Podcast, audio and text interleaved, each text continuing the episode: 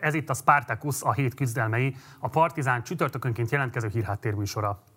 A hét a pedagógusok két órás figyelmeztető sztrájkjával és a velük szolidarító más területen dolgozók autós felvonulásával indult. A sztrájkot szervező két szakszervezet, a pedagógusok szakszervezete és a pedagógusok demokratikus szakszervezete szerint országszerte nagyjából 20 ezer oktatási dolgozó tette le a munkát erre az időszakra. A megmozdulás része azoknak a sztrájk tárgyalásoknak, amelyeket a két szervezet már hónapok óta folytat a kormányjal, annak érdekében, hogy jelentősen javuljanak a pedagógusok siralmas bérei és munkakörülményei.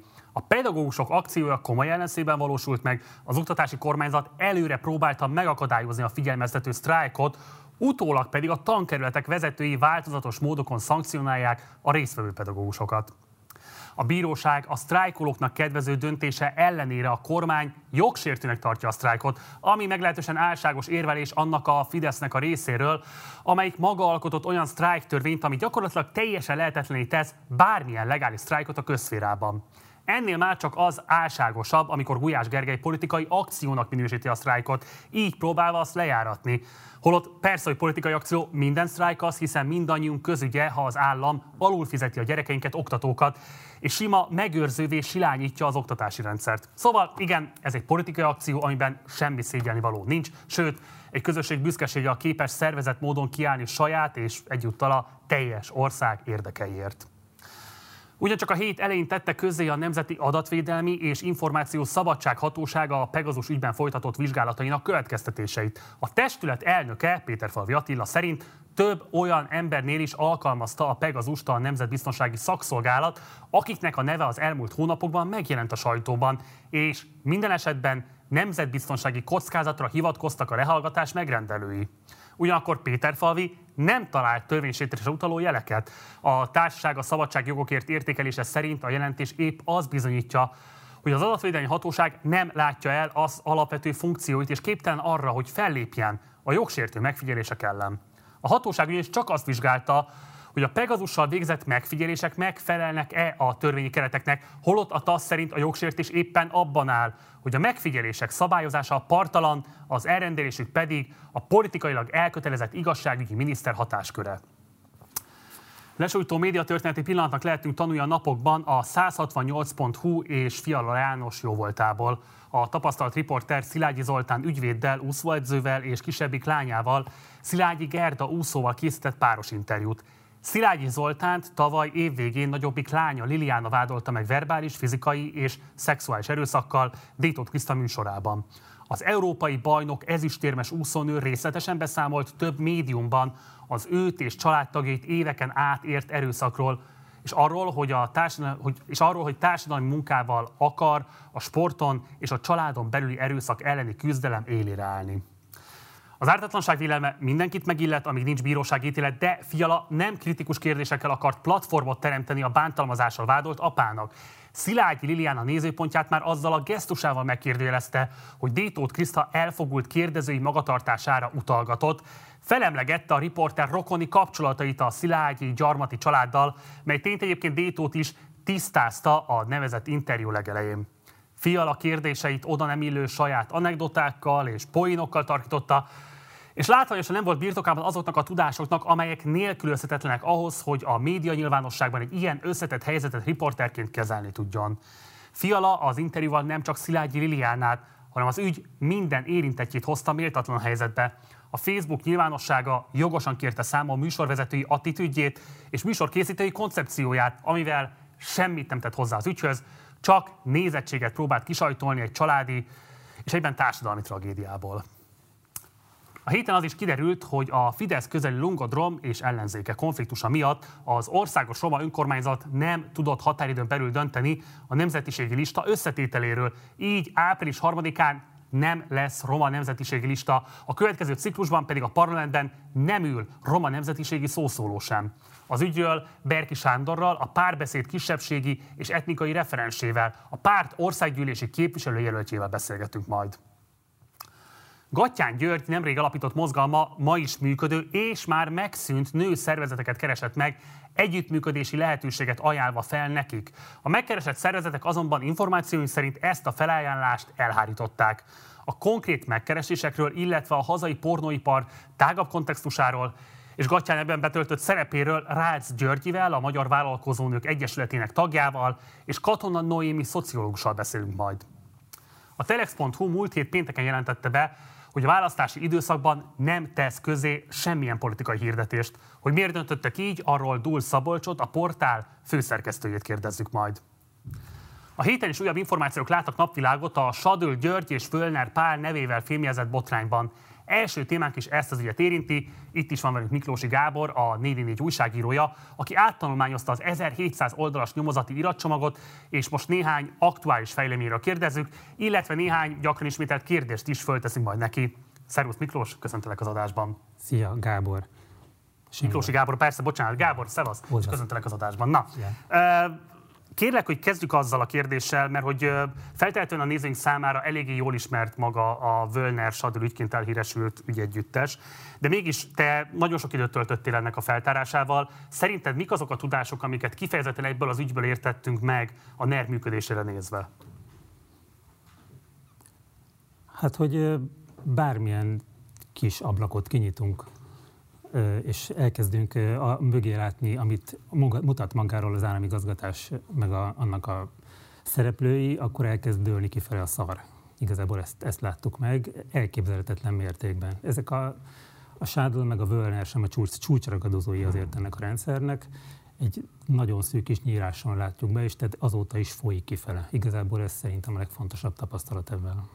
Ugye Szintén heti fejlemény az, hogy voltak olyan minisztériumok, ahol tartottak házkutatást, ugye Gulyás Gergely a kormányinfon arról tájékoztatta a nyilvánosságot, hogy ő maga is egyébként a hírekből tudta meg azt, hogy megtörténtek ezek a házkutatások. Pontosan milyen jelentőség ezeknek a házkutatásoknak, milyen összefüggése lehet a minisztériumoknak ehhez az ügyjel?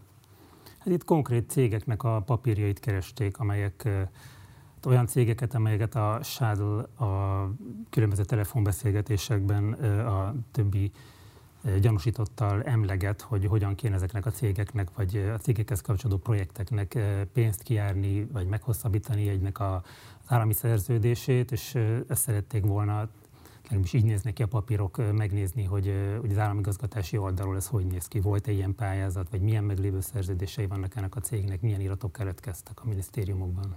A te tudásod szerint mennyire életszerű Gulyás Gergely védekezése, mi szerint ő maga is kizárólag a sajtóhírekből értesült a házkutatás tényéről? Szerintem teljesen életszerűtlen. Hát egy, néztem ma, mert pont szerkesztő voltam a kormányinfót, és azért ilyenkor nem lehet nem észrevenni, hogy mikor Gulyás Gergely a, az ellenzéki politikusokat minősíti, akkor szóbeszéd vagy újságcikkek alapján is azonnal messze menő és bátor kijelentéseket tesz, amikor pedig a minisztériumokról, esetleg a saját minisztérium, vagy az alátartozó minisztériumi egységről, itt ugye a Sül János tárcánykörminiszter hivataláról van szó, akkor viszont egyből nagyon óvatosan bebújik mindig a jogszabályok mögé. Tehát ez a fajta óvatoskodás azért nem a, az őszinte szembenézés és a megismerés valódi igényét tükrözi. Varga is azzal érvelt, ugye, hogy ő nem volt tudatában annak, hogy az államtitkára pontosan milyen korrupciós cselekményben vesz részt, illetve azzal indokolta igazából a felelősségét, vagy azzal intézte a felelősségvállalását, hogy hát igazából fölmentették őt államtitkári pozíciójából ennek az életszerűsége is erősen megkérdőjelezhető. A te általad ismert részletek alapján kiderülhet-e sokkal konkrétabban is az, hogy igenis tudott arról adott esetben, hogy ilyen típusú érintettsége lehet az ő államtitkárának. Tehát lesz olyan fejlemény szerinted, ami Varga Judit esetleges érintettségét jobban magyarázza, adott esetben bizonyítja? Szerintem abból, ami látszik az iratokból, erre vonatkozóan nem lehet semmit sem megjövendölni. Tehát ez tényleg ilyen, ilyen jóslás lenne. Az látszik, hogy próbálnak folyamatosan igyekeznek bejutni a miniszterhez, és azt úgy ki lehet venni úgy az iratokból, hogy, hogy ez ne, a beszélgetésekben, hogy ez nehézségekbe ütközik, hogy ez nem megy könnyen. Ugye a Völneren át vezet az út, a Völner is, mint hogyha próbálkozna, legalábbis ugye ezt mondja, de sose lehet azért pontosan tudni, hogy amit mondanak ezek az emberek egymásnak, annak mekkora valás, valóságtartalma, mert mindenki vetít a másiknak mindenki próbálja magát eh, nagyobb játékosnak beállítani, mint amekkora. Ezekből a beszélgetésekből arra nézve, hogy a Varga Judithoz eh, mi jutott el, ő pontosan mit tudott, mit próbált ennek ez ellen tenni, semmi nem tudható. Ugye részben a te cikkeid is arról szólnak, vagy arról tudósítanak, hogy érzékelhető a nyomozati vagy a lehallgatási jegyzőkönyvek alapján, hogy van egy szint, ami után nem mentek utána a nyomozók, tehát hogy ugye a nyilvánosságban pörög ez az értelmezés, mi szerint ugye Nagy Ádám, aki Rogán Antal kabinetfőnöke, neki hogyan és milyen módokon tett szívességet Sadül György, és ugye fölemeltetődik az a 30 éves koncesziós pályázat is, amiben szintén fölmerül egy Ádámnak az érintettsége, egy Tónival és egy Barbarával közösen. Emiatt ugye részben az ellenzék nyilvánosságban van egy olyan olvasat, hogy feltétlenül lehettek kapcsolatok itt Rogán Antal irányába is, és hogy ugye te magad is arra utalsz a cikkeidben, hogy lenne még mit nyomozni, de abból az iratcsomóból, amit te megkaptál, nem igazán lehet arra következtetni, hogy ezt folytatták volna, mint hogy tudatosan megálltak volna egy ponton. Ha az iratcsomót félretesszük, a te egyéb kapcsolataidon keresztül van olyan értesülésed, hogy szintén, ami szintén alátámasztja azt, hogy nem mentek utána az összes olyan szálnak, ahol további korrupciós cselekmények esetlegesen fölmerülhettek? Olyan forrással, aki ismeri ezt az egész bizniszt, vagy ezt a kört, akik itt ebben mozognak, olyan forrással nem beszéltem, mert ilyen nincsen sajnos. Olyannal beszéltem, aki látott már ilyen iratot. És ez alapján, meg az alapján, amit az iratot sokszor és gondosan átolvasva ki lehet belőle következtetni, az látszik, hogy igazából nem áll össze az egész. Tehát, hogy nem ugyanazzal az alapossággal mennek bizonyos emberek után, a nagy Ádámnál nagyon le van határolva ez a dolog, hogy, hogy meddig mennek, ugye nem derül ki, hogy miért nem merül fel egyáltalán a Völnernek a lehallgatása, nem, merül, nem derül ki, hogy amikor már eljutnak egy elég komoly szintre a nyomozásban, és kérnek engedélyt arra, hogy július 1-től újabb három hónapig folytathassák a lehallgatást, és ezt az engedélyt meg is kapják, akkor miért, nem, miért nincsenek ezek a lehallgatások benne, vagy miért álltak le a lehallgatásokkal? Tehát rengeteg olyan alapvető következetlenség látszik ebből a nyomozati iratból, amire nincsen logikus magyarázat. Háromféle értelmezés uralja szerintem nagyjából egyébként a pályát azzal kapcsolatban, hogy mégis milyen okok állhatnak a szivárgás mögött. Ugye van egy olyan olvasat, ami arról szól, hogy a Fidesz tudatosan próbálta ezt így felépíteni, hogy ne közvetlenül a választások előtt robbanjon az ügy. Ugye ezzel ti magatok is foglalkoztatok egy száfoló cikkben. Van egy másik értelmezés, ami szerint kifejezetten fideszes belharcok eredménye. A harmadik pedig arról szól, hogy igazából véletlenek fura összjátéka, bármilyen is nehéz ezt elképzelni a NER 12. évében, de egész egyszerűen valamilyen szinten működött az igazságszolgáltatás, valamilyen szinten működtek a nyomozóhatóságok, és eljutottak egy adott pontig, ahol aztán nem tudták már tovább bent tartani ezt az információt. Szerinted melyik a legvalószínűsíthetőbb forgatókönyv? Szerintem az utóbbi. Tehát abban, hogy hogy kik vannak uh, itt néven meg, megjegyezve, megnevezve, és uh, kiről milyen terhelő vagy terhelőnek tűnő információk uh, jönnek elő azokról, akik nem gyanúsítottak, például ugye a Nagy Ádámról, Ebben nagyon könnyen, hogy volt szándékos berenyúlás, nekem még az is eszembe jutott, és esetleg a Nagy Ádám se véletlenül került bele, hanem valakinek, akinek nagyobb rátása van a nyomozásra, mint mondjuk Rogán Antalnak érdeke volt, hogy borsot törjön Rogán Antal vagy Nagy Ádám óra alá, de ezt nem tudom, tehát ez csak egy, tényleg csak egy teória. A, mi is volt a kérdésed? Mert most egy kicsit... Hogy a három értelmezés közül szerinted melyik a ja. legvalószínűsíthetőbb? Én szerintem, tehát én szerintem az utóbbi. Így az derül ki, meg ugye az látszik az iratokból is, hogy annyira sok ember tudott erről a dologról, hogy az pontosan kivehető, kivehető, hogy mi volt az íve a dolognak, kivel indultak, hogyan jutottak el másik gyanúsítottig, őt is lehallgatták, úgy jöttek képbe a Sál, úgy jöttek képbe a Völner. Nem lehetett egy ponton ezt már ö, nem folytatni, és nem lehetett a Völnert nem implikálni ebben a dologban. Ö, egyszerűen túl, túl kockázatos lett volna, hogyha ezt az egészet el akarják ö, tusolni alapvetően, vagy megpróbálják úgy megkonstruálni ezt a nyomozati iratot, meg később a vádiratot, hogy abban a Völner és a magas politika ne szerepeljen. Tehát egyszerűen vannak a, a büntető eljárásnak, meg a nyomozásnak olyan belső logikái, meg mechanizmusai, amikkel még a legerősebb politikai érdek sem tud szembe menni. Tehát túl sok ember tud róla, az túl nagy kockázatot jelent. Olyan értesülésed van esetleg, hogy bárki, aki a nyomozóhatóság részéről részt vett ebben, a folyamatban, őt utólagosan bármilyen szankció érte volna? Tehát, hogy ilyen értelemben politikai megpróbáltak volna rányomást gyakorolni? Nem tudok ilyenről. Nem tudsz ilyenről? Nem. Jó.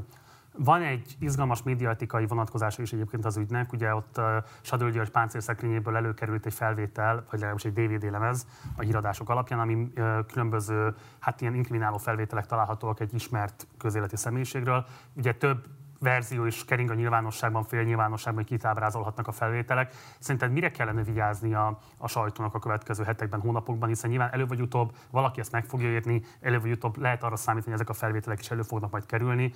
Ugye ezek a kérdések fölmerültek már a borkai felvételek kapcsán is. Mi az, amit szerinted tudatosítani kellene magában a nyilvánosság alakítóinak, hogy hogyan kell bánni egy ilyen értesüléssel, pláne egy konkrét felvétellel majd esetleg?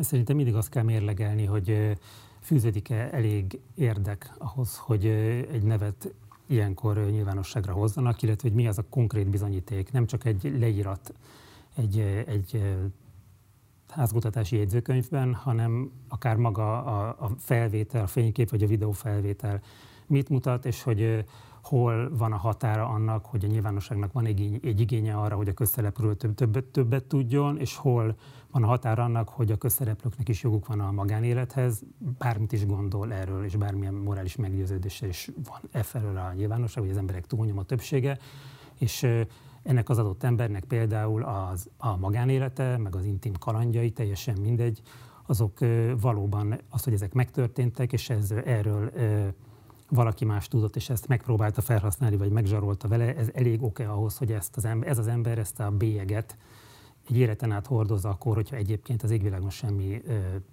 se az erkölcsbe, vagy teljesen mindegy, tehát semmilyen törvénybe ütközött nem követett el. Az erkölcs az meg teljesen szubjektív. Újságíróként mennyire vagy elégedett a média reprezentációjával az ügynek? Tehát azok a szempontok dominálják a nyilvánosságot, amiket te fontosnak tartottál, és ha nem, akkor egyébként te milyen szempontokat priorizálnál? Ezt lehetett tudni, hogy, hogy ami nagyot fog szólni, az egyetemi vizsgák, meg a, meg a kék villogó, mert ez az, amit mindenki ért. A, szerintem a bíróság... Hát pofátlan azért. Igen, de ugye ez, amiről ugye közvetlen tapasztalatunk van, tehát aki vizsgázott életében, azt, azt nem szereti azt, vagy, hogyha valaki más ugyanazon a vizsgán úgy megy át, hogy egy szót se kell tonni, vagy akár oda sem megy tényleg itt a birka iskolába.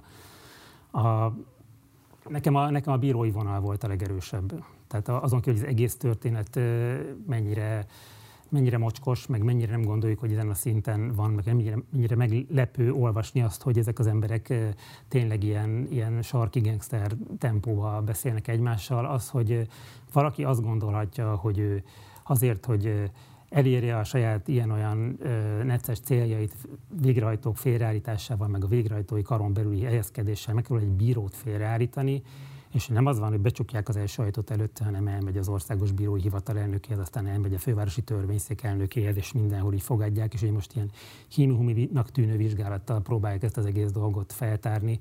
Ugye ez pont egy tegnapi fejlemény volt az ország bírói, országos bírói tanács, ugye az OBH-nak az a kvázi ilyen felügyeleti szervetet, egy ilyen független testület, amelyik tehát, működik mellette, mondta is, hogy az, amit az Országos Bírói Hivatal javasol, hogy ezt az ügyet hogyan vizsgálják ki, az nem jó, itt egy rendes fegyelmi eljárásra van szükség akkor egy záró kérdés, hogy nagyjából két hete foglalkoztok az ügyjel. Lesznek-e még érdemi nagy fordulatok, amikre készülhet a közönség, vagy milyen típusú fejleményekkel fogtok még szolgálni a következő hetekben? Igazából a fontos dolgok már lejöttek a sajtóba, hogy kiderült, hogy nem csak nekünk van meg az ügyirat, vagy egy hasonló irat csomó, hanem másnál az RTL-nek is. Szerintem a fontos dolgokat már kimazsoláztuk belőle, de az egész ügy kapcsán még, még lesznek fordulatok. Nyilván mi is dolgozunk még anyagokon. E, igazából ilyenkor az szokott történni, hogy emberek felbátorodnak és elkezdenek információkat küldeni a lapoknak, és szerintem ez az a vonal, ahol itt még érdemi fejleményekre lehet számítani. Ilyesmi dinamikákat tapasztalsz már? Igen, abszolút. Tehát jönnek, jönnek a levelek egyértelműen hozzánk is, és biztos, hogy más szerkesztőségekbe is. Miklósi Gábor, nagyon szépen köszönöm, hogy itt voltál. Elnézést kérem a névtévesztésért, de gyere majd máskor is, és ígérem, hogy addigra jobban begyakorlom ezt is. Jövök szívesen. Szervusz, mindenit jó munkát neked!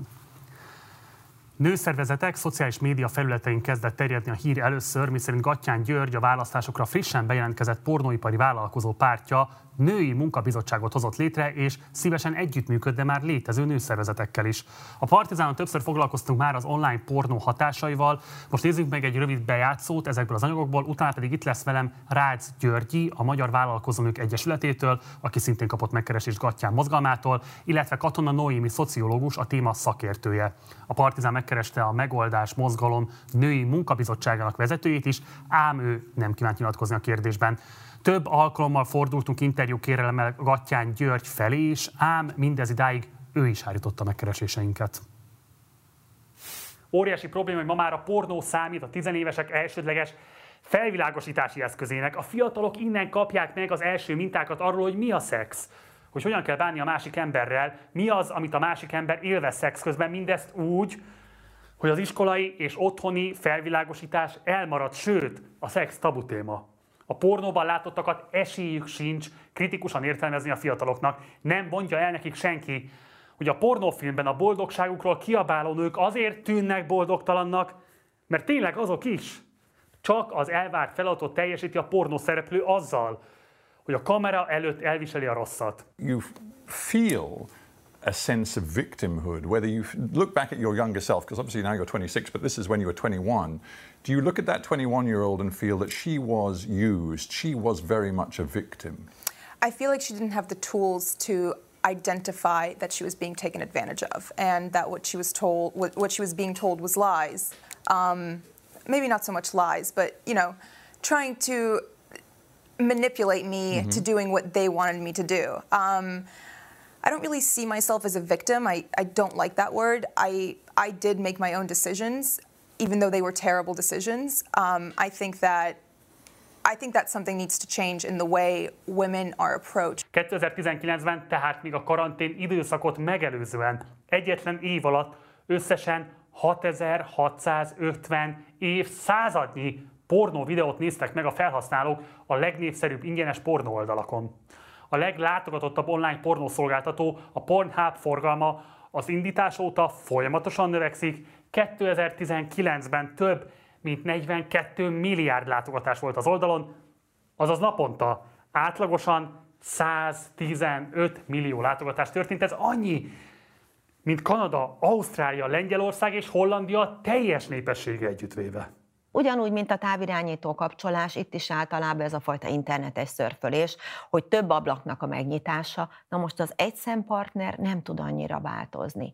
Nincsen meg azok a pózok sem, ugye, tehát ahogy ott rázumolnak a genitáliákra, jó esetben ugye az együttlét közben mit látunk? Az arcát látom, vagy hátulról a haját. Jó, még persze vitatható van még egy-két változat, de hogy nem tudja sem elevenségében, sem változatosságában azt a fajta vizuális ingerlést produkálni, mint amit a való élet. Hát nyilván az egy félreértés, hogy a pornó bármilyen módon is autentikus szexélményt közvetítene. És itt is van velünk a stúdióban már meghívott vendégeink, szervusztok, Rácz György, a Magyar Vállalkozónk Egyesületétől, és Katona Noémi, szociológus. Sziasztok! Szia!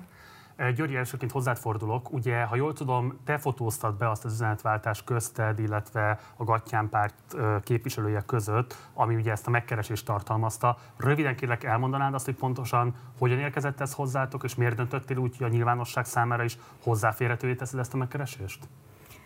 A mi egyesületünk sajnos már nem működik, mert kicsit kifulladt a, a lendületünk, és már nem érünk rá ezzel foglalkozni, de jönnek ugye üzenetek a Facebookon, amiket én általában nem nézek meg, de ezt teljesen véletlenül megnéztem. Az Egyesület számára érkezett, nekünk volt címezve, elolvastam, és egy picit meglepődtem, hogy, hogy mégis, hogy hogy, és ott próbáltam nagyon udvariasan visszaírni. Nagyon kedves üzenet volt egyébként alapvetően, én úgy éreztem, és akkor visszaírtam ezt az elutasító választ, és úgy gondoltam, hogy hát körbenézek, hogy, hogy mások is kaptak-e ilyet. Nem hittem, hogy csak minket tüntetnek ki a figyelmükkel, és hát körbe érdeklődtem a, a, az ismerősi körben. És kiderült, hogy igen, kapott más is megkeresést, bár nem sokan.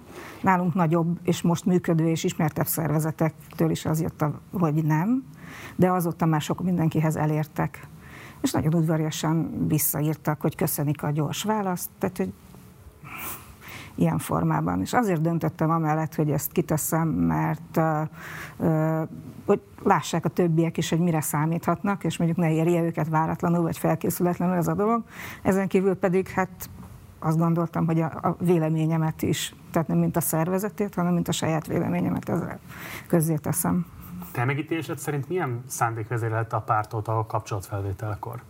Azt gondolom, hogy van egy listájuk, és ezen végig mennek, valamilyen társadalmi bázist akarnak építeni. Nem hiszem, hogy csak női szervezeteket keresnének meg, hanem mindenkit, mert ez még egy kicsit ilyen szabad prédának látszik, és így próbálnak szerintem bázist építeni.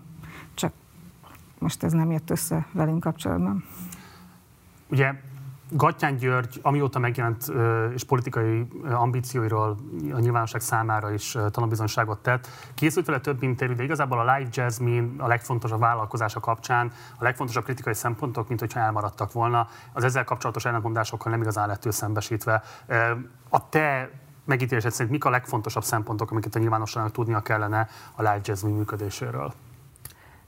Hát az egyik, ami fontos, hogy a Gatyánsz, hogy ha erről van szó, úgy adja hogy ez, ez nem is pornó, ez nem is szexualitás, itt ez nem is erről van szó, és szerintem ami fontos, hogy de ez az, tehát ez a pornóiparnak a része, ennek egy speciális változat, ez maga a szexkamera iparág, és itt amiből a legnagyobb vagyonát ö, létrehozta, meg amivel a pártját finanszírozza, meg általában amiből vagyon származik, az, az nők szexualitásának az árusításáról szól, tehát ez tök fontos tudni.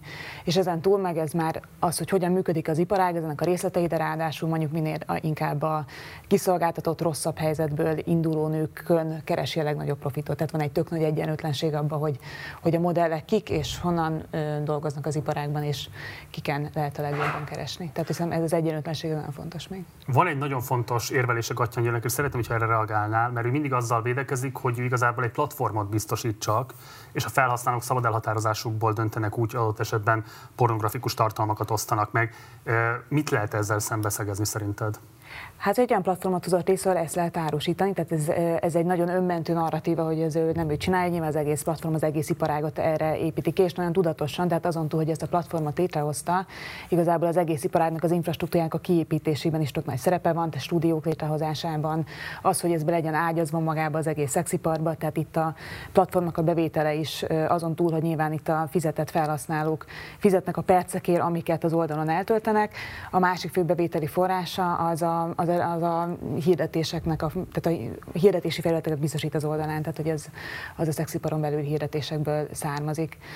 Tehát, hogy ez, hogy ez egy tök tudatosan erre az, ezt az iparágat építette ki, egyébként így nagyon a kezdetektől, tehát ugye 2001 óta létezik a Live Jasmine, és az egyik legkorábbi ilyen platform volt ebben az iparágban, és most is az egyik ilyen legnagyobb, tehát a négy-öt ilyen nagy, legtöbb pénzt hozó platformnak az egyike. Egy másik érve, ami nagyjából így szól, hogyha jól rekonstruálom, hogy hát igazából ez egy pénzkereseti lehetőség például a fiatal nők részére, akik adott esetben egyetemi tanulmányokat így képesek finanszírozni, vagy a függetlenedésüket például egy bántalmazó kapcsolatból, vagy a családjuktól, és így tovább.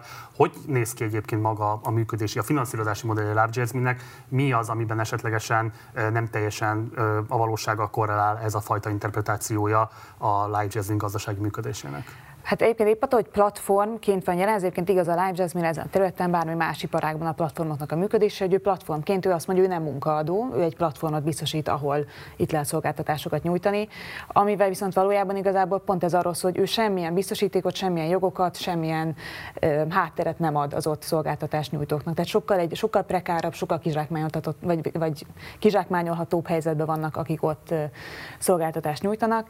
És pont ezért, mint platform, arra nem lát rá, hogy aki modellként még itt regisztrál, annak milyen háttere van, tehát igazából azt mondjuk, hogy bármilyen kényszer miatt dönt úgy, hogy, hogy, hogy ezt az utat választja a pénzkeresésre, ezt ő nyilván nem tudja, nem látja, ebben ugyanígy nagy eltérések vannak, ugye modellek százezreiről beszélünk csak a Live Jasmine is, tehát itt nyilván egy nagyon, nagyon heterogén, hogy itt kik vannak.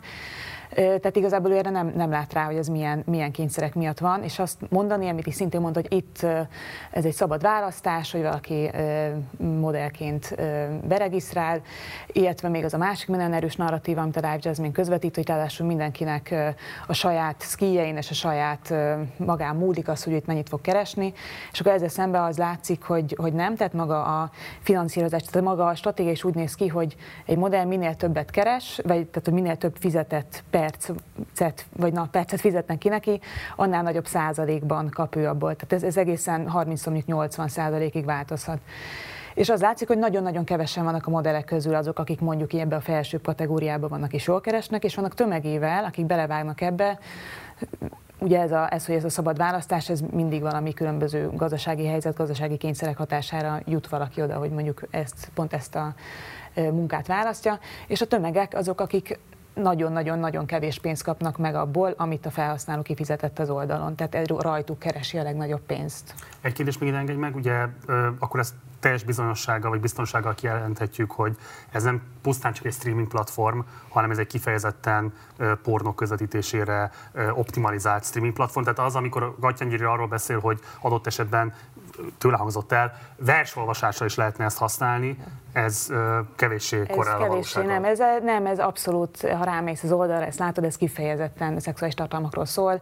Egyébként nagyon leköveti a struktúráját, hogy milyen modellek és hogyan, hogyan tud még egy felhasználó keresni a modellek között, az abszolút leköveti mondjuk a pornóiparnak a kategóriáit és a struktúráját is egyébként magának, amit a pornóról tudni lehet, hogy ez milyen, hogyan változik a pornóipar, hogyan lesz egyre erőszakosabb, hogyan, milyen fajta ilyen nisek alakulnak ki, ez tökre lekövethető a szexkamera oldalakon és a live is, tehát hogy, egy, hogy ez nagyon látványosan pornaipar része, ez, ez, nem, ez nem állja meg a helyét, amit mond a streaming oldalakról. Györgyi, um, említetted, hogy több más nőszervezetről is van tudomásod, akiket szintén megkerestek.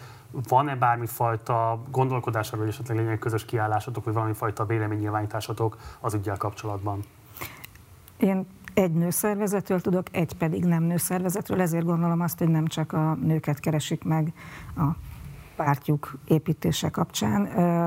Ha lesz több az ismeretségi körben, akkor ezt meg fogjuk szerintem beszélni. Én szorgalmaznám ezt. Mennyire jellemző egyébként az, hogy politikai pártok, akár korábban, amikor még működtetek, keresett benneteket és próbált volna bármifajta szövetséget kötni veletek? 8 vagy 9 évig működtünk aktívan. Ezen a területen talán egyedülállóan soha. Soha senki? A Noémi által elmondottakról mit gondolsz, vagy mit lehet általában elmondani igazából a pornóiparral való, a pornóiparról magyar feminista szemszögből? Ebben a témában nem vagyok szakértő, nem tudom, hogy feministának nevezhetném-e magamat. Egy dolgot biztosan tudok, hogy mi nagyon sokszor találkoztunk ezzel a problémával, hogy nőknek valamilyen bevételre, jövedelemre kell szert. Tehát ez nyilván megállja a helyét, hogy ez lehetőséget biztosít nekik egy valami fajta bevételszerzésre. Ezzel az érveléssel is találkoztam már, hogy verset is lehetne rajta mondani. Hát ebben nem vagyok benne biztos, hogy, hogy ezért fizetnének, de azt látjuk, hogy nagyon sok nő kerül sajnos olyan helyzetbe, ahol, ahol kétségbe esetten keres valamilyen bevételi forrást és hát ugye vagy munkát vállal, vagy mondjuk vállalkozni kezd, tehát így az átlagember számára ezek a dolgok elérhetők, és mi ugye ezzel foglalkoztunk, hogy segítsük őket abban, hogy vállalkozást tudjanak indítani, valódi vállalkozást, amiből jövedelemre tehetnek szert. Oké. Okay. Noémi, volt egy tanulmányotok Barnelmiával közösen, amelyben a szexkamerázás szerepéről és a szexiparon belüli normalizálódásról beszéltetek, vagy írtatok igazából. Elmondanád ennek a legfontosabb megállapításait? Hú. Um... Az egyik ezeket részben idéztem, a másik, szóval ami tök fontos, az pont, hogy ez, ami a Gatyának a live jazz és a narratívája, ez a modellek közötti egyenlőségét mindenki szabadon és saját szkijei alapján keres, hogy ez nagyon nincs így, tehát nagyon épít arra, épít globális egyenlőtlenségekre az iparág, már csak abban is azt nézzük, hogy a fizető felhasználók a nagyon nagy része mondjuk az USA-ból jön, míg a modellek jel, Kelet-Európából, illetve Dél-Amerikából, tehát a kifejezetten félperiféria és perifériás országokból, főleg éppen Románia így a, a központ, tehát ez az egyenlőtlenség, ami nagyon-nagyon fontos így nézni ennek az iparágnak az esetében. A másik meg, amit kiemelnék, az egész ennek a mainstream, tehát a normalizálásának a, a, a hátrányos oldala. Tehát igazából az, hogy, hogy ez, ez, a, ez az iparág annak ellenére, hogy az közvetít, és ezt mondja magáról, hogy ezzel semmi baj nincs, és ez, és ez tök jó, hogy létezik. Igazából ez mennyire, milyen mértékben erősíti a nőknek az objektifikálását és, és, a, és a szexuális kizsákmányolását.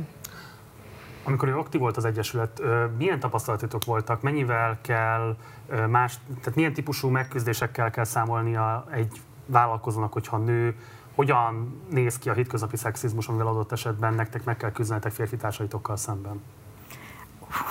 Na, erről, erről tudnék órákig mesélni, csak egy-két apró szemelvény, ami talán idevág. Az Egyik az, hogy hagyományosan a férfiaknak a lehetőségei a meglévő networkök, vagy a most létrejövő networkök, azok nem állnak rendelkezésükre a nőknek. Mi például ezért is csináltuk az Egyesületet, hogy legyen egy hely, ahol találkozzanak. Tehát ugye a, a, a pecázástól, a vadászáson keresztül a nem tudom milyen tevékenységig, nem csak Budapestre gondolok, hanem vidékre, ahol a férfiaknak rengeteg lehetőségük van arra, hogy hogy maguk között ö, ö, mm, szétosszák tulajdonképpen a, a felmerülő lehetőségeket. Ez a nőknek általában nem áll rendelkezésükre. Az ilyen szervezett vállalkozói ö, csoportokban is ö, nagyon sokszor az van, hogy a nők ott hagyják őket, mert a férfiak versengése az távol áll tőlük ilyen formában ezt mondjuk tudnám durvábban is mondani, amit szoktak a nők általában használni erre. Most meg egy kérdés, ez az Egyesület ilyen értelemben vett kifulladásában közrejátszott például? Nem, igazából ö, mi ezt négyen öten csináltuk, teljesen önkéntes munkában. Igen, a társadalmi munkát akartam mondani, de ez már egy lejárt dolog, és egészen egyszerűen kifulladtunk, tehát hogy, hogy nem volt rá több kapacitásunk, pedig igény az lenne erre továbbra is. Noémi, a, mit lehet elmondani igazából Magyarország szerepéről a pornóiparon belül? Ugye van egy ilyen magát tartó feltevés, miszerint hát továbbra is egy ilyen kvázi pornó nagyhatalom lenne Magyarország, és hogy kelet-európai kiemelt terepe az ilyen típusú iparági szereplőknek. Ez mennyire állja meg a helyét? Hát így kifejezetten Magyarországra kevésbé, a Kelet-Európára abszolút, tehát hogyha most nem csak a szexkamaraiparágról beszélünk, hanem általában a szexiparról, akkor még például prostitúcióban európai szinten az nagyon-nagyon jellemző kelet-európai nők láthatók vagy találhatók meg utca, illetve általában a prostitúció különböző részeiben. A szexkamaraiparágnál meg, ahogy mondtam, Románia az meg egy eszméletlenül az a fő központ, tehát mondjuk így nem, nem, ugye nem nehéz itt pontos számokról beszélni, mert nem tudunk pontos számokat, de Live Jasmine esetében is mondjuk az látszik, hogy a stúdiókkal dolgoznak, hogy mondjuk a stúdióknak egy nagyon-nagyon nagy százaléka van Romániában, Bukarestben, tehát ott ez, ez nagyon látványos. Oké. Okay. Egy központ. Katona Noémi, Rácz Györgyi, köszönöm szépen, hogy itt voltatok, és mindezt megosztottátok a nézőnket, gyertek vagy máskor is. Köszönjük. Január 10 óta zajlik a budai várnégyedben található építész szakma által megbecsült, ám a kormányzat háború előtti történelmi rekonstrukciós esztétikájával kilógó burkhotel, vagyis a korábbi diplomataház bontása. Kollégáim a helyszínen jártak Lente András építéssel, aki mesélt nekünk az épület értékéről és a már zajló munkálatok visszásságairól. A riportot Bátori Benyámin készítette. Ez, amit most burkhotelként ismertünk legutóbb, ez egyébként diplomata lakóháznak épült, a 70-es évek közepétől terveződött, és 81-ben adták át. Akkor az állam volt a beruházója, egy ilyen diplomata lakóházként funkcionált, tulajdonképpen ide jövő diplomatáknak volt szállásépületben. Egy borzalmasan érdekes épület, egy nagyon erős skandináv kötődés egyébként megfigyelhető rajta, pont ez a sokszor sokaknak nem tetsző nyers tégla falazata, festett, fehérre festett nyers téglafalazata, egy nagyon erős hatása a Mátyás templom Szent Háromság szobornak a, a neogótikus pilléreivel, hát most már itt, ha oda nézünk, nem nagyon látjuk, figyelve a telekosztásoknak a valamikori ö, cezúráira, és az épületen is ott voltak a nyílások, törések, ahogy elmozdulnak egymástól a tömegek, és én szerintem egy nagyon harmonikus, jó épület volt ezen a sarkon. Valamikor még a 90-es években pontosan nem tudom a nevüket most fejből, de, de valamilyen zsidó kulturális intézet szerezte meg. Aztán az állam visszavásárolta tőlük, és a Padme alapítványhoz került át vétel jogcímén. A Padme alapítvány viszont 33 napig volt a tulajdonosa, és ezt követően eladta az Optima, talán ingatlan hasznosító Kft-nek, akinek a tulajdonosa az Optimum, nem tudom milyen befektetési ZRT, aminek egyébként a 100%-os tulajdonosa viszont a Padme alapítvány. Először úgy tudtuk, hogy a homlokzatot próbálják meg újraépíteni rajta valamilyen historizáló stílusban. Ekkor mi megkerestünk elég sok szervezetet, kivitelezőt, akit sejtettünk, hogy ki, hogy adjon erről valamilyen információt, és valamilyen érdemi párbeszéd kezdődjön meg még mielőtt olyan dolog történik, amit esetleg nem lehet később már megváltoztatni vagy jóvá tenni. Gyakorlatilag semmilyen levél nem érkezett, a tulajdonos megígérte egyébként, hogy a építésztársadalom bevonásával fogja a legjobb megoldást megkeresni rá. ezen az ígéreten túl természetesen nem csinált semmit azóta se, tehát semmiféle párbeszéd vagy ilyesmi nem történt.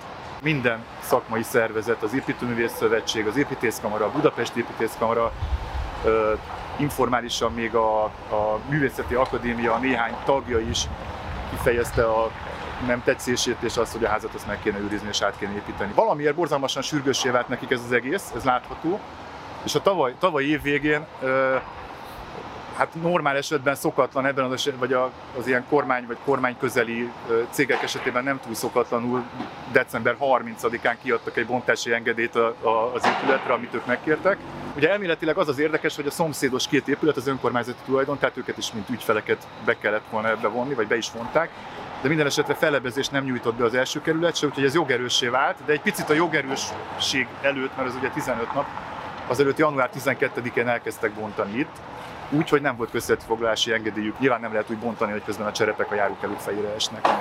A válaszfalak kibontása és az egyéb bontások, amiket ekközben is csináltak, azok a szerkezetet is olyan fokon gyengítették meg, hogy utána már egy statikusi szakvéleményben azt tudták beadni, hogy hát az egész szerkezet annyira borzalmasan életveszélyes, hogy most már aztán tényleg nagyon-nagyon ide kell hívni egy nagy gépet, és az egészet meg kell enni.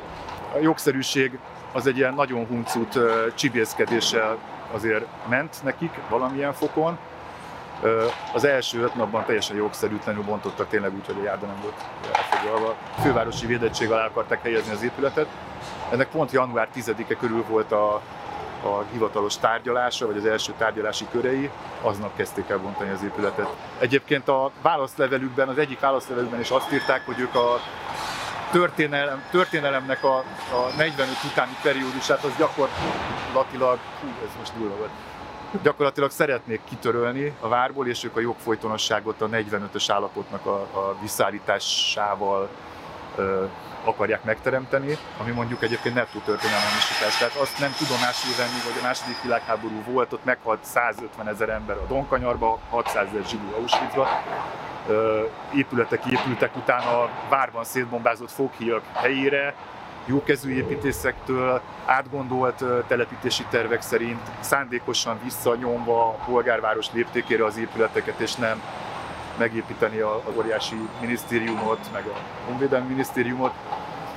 Ezeket kétségbe vonni és eltörölni, ez, ez, ez, ez a történelmek a folytonosságának a, a semmibevétele és a megsemmisítése, és egyébként tök buta dolog, tehát ilyen nincs, ezt nem lehet megtenni. Láthatólag a kormányzatnak eltökélt szándék, hogy kormányzati negyedé változtassa a várat. Itt a Padme Alapítvány az egy konferencia központot akar csinálni. Egyébként a konferencia központot is be lehetett volna tenni ebbe az épületbe. Most is látszik még, hogy ez egy pillérvázas épület, tehát szerkezetileg semmi baja nincs. Ö, nyugodtan átépíthető lett volna. Épületeket bontani, építeni, akár még rossz épületeket is, ez véletlenül nem az, de lehetne az is, akkor is kétszeresen meg kéne gondolni minden, minden egyes ilyen bontást. Nagyságrendekkel kisebb a, a környezetterhelése egy átépítésnek, és pénzügyileg is. Tehát nem vagyunk azért egy borzalmasan gazdag ország, még ha az állam az borzalmasan gazdag is az építkezései során, de azért alapvetően nem vagyunk azok, másra is el lehet költeni nyilván a pénzt.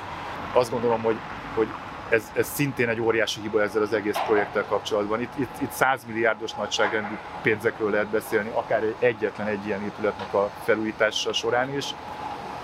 Csak a Nemzeti Bank épületének a rekonstrukciója, ami egyébként csak egy rekonstrukció a Szabadságtéren, az 54 milliárd forint, amit most fognak elkezdeni. A 21. században ez a fajta reprezentatív építészet, ami itt történik, ez egy, ez egy végtelenül építészetileg is egy végtelenül, társadalmilag is elhibázott lépés szerintem. Hétfőn majdnem verekedésbe torkolt az országos roma önkormányzat ülése, amelynek a roma nemzetiségi lista összetételőről kellett volna döntenie. A Romnet tudósítása szerint az éjszakában nyúló ülésen végül nem sikerült döntése jutni, így az már biztosan kijelenthető, hogy április 3-án roma honfitársaink nem dönthetnek úgy, hogy nemzetiségi listára szeretnének voksolni, és a következő parlamenti ciklusban nem lesz roma szószóló a parlamentben. Itt van velünk a stúdióban Berki Sándor, a párbeszéd kisebbségi és etnikai referense, akivel a kialakult helyzetet próbáljuk értelmezni. Szervusz, köszönjük, elfogadtad a meghívást. Szia Marci, köszönöm szépen, hogy eljöttem hozzád. Kérlek, hogy elsőként ismertesd a nézőink hogy konkrétan mik azok a konfliktusok, amik most kirobbantak ezen az ülésen, és amelyek igazából ezt a helyzetet eredményezték. Hú. Kezdjük azzal a mondattal, hogy Most elég nagy figyelmet kapott ez a dolog, az országos roma önkormányzat, vagy az országos roma politika. Amikor én elkezdtem ezzel foglalkozni, és akik eh, engem tanítottak, egyetlen egy dolgot eh, súlykoltak a fejembe, hogy ezt jegyezzem meg mindig. Egópolitika. Tehát ego. Tehát amit most láttunk, ez ennek a kicsúcsosodása. Tehát eh, ennek nem lett volna szabad megtörténnie, hogy a 13 nemzetiségből az országos romai önkormányzat nem tud listát állítani. És ennek a következménye az, hogy és ennek, ennek abból az eredményből indult ki, hogy tavaly novemberben azért volt egy jó ötlet, mégpedig az, hogy a Nemzetiségi Önkormányzat emelje, emelje a kisebbség, a roma, romák képviseletét parlamenti szintre. Szerintem ez egy jó kezdeményezés volt, ez egy, ez egy, ez egy arányos fejlődés. Hát ez úgy nem igazán tetszett mindenkinek, ezután kezdődtek a háborúk, ezeket a folyamatokat ismerjük, megtalálták bíróságon, nem jött össze, alkotmánybíróság, én még ilyen gyorsat nem láttam, hogy döntöttek volna, mások sem, és ebből következtek ezek utána volt egy beszélgetés, ugye zárt körben, és aztán az utolsó pillanatban egy közgyűlés. És itt már csak azt láttuk, hogy valójában mindenki elfelejtette, hogy miért van ott.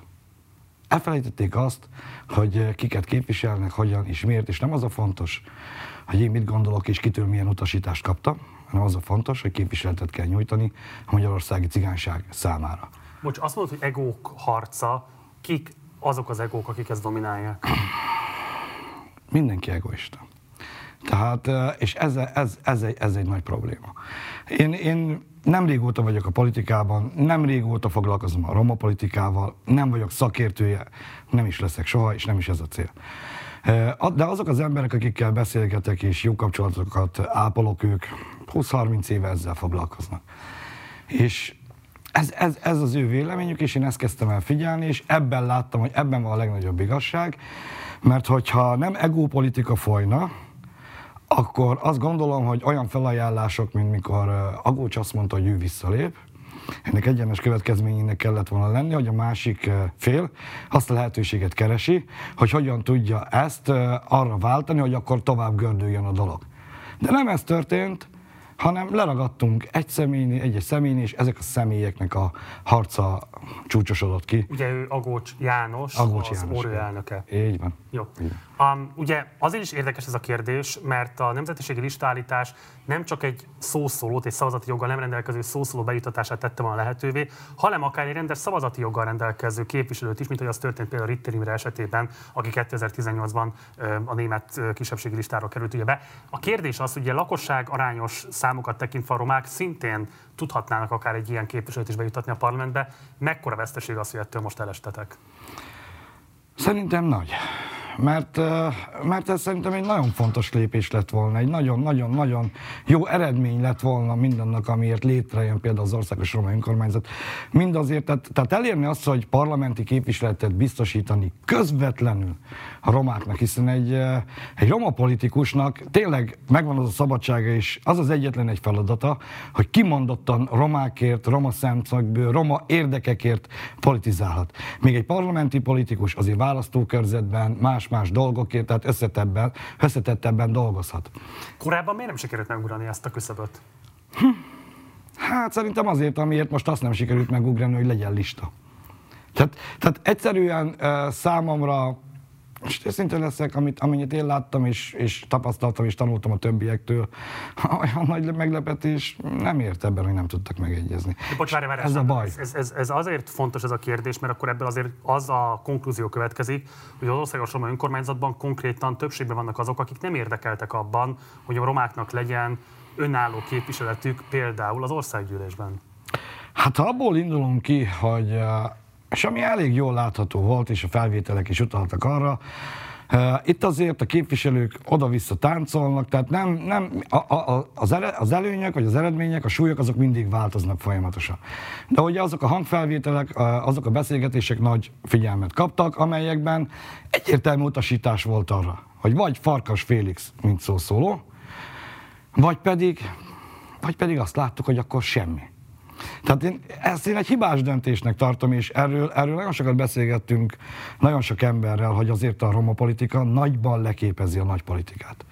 És most azért ez, ez kicsúcsosodott. És amikor arról beszélünk, hogy ez, ez csak a 47 képviselő, vagy az országos roma önkormányzatnak baj, és a cigányságnak baj, akkor arról is beszéltünk, ez, ez országos probléma. Tehát ez a teljes magyar politikai életnek egy, egy kézzelfogható kudarca.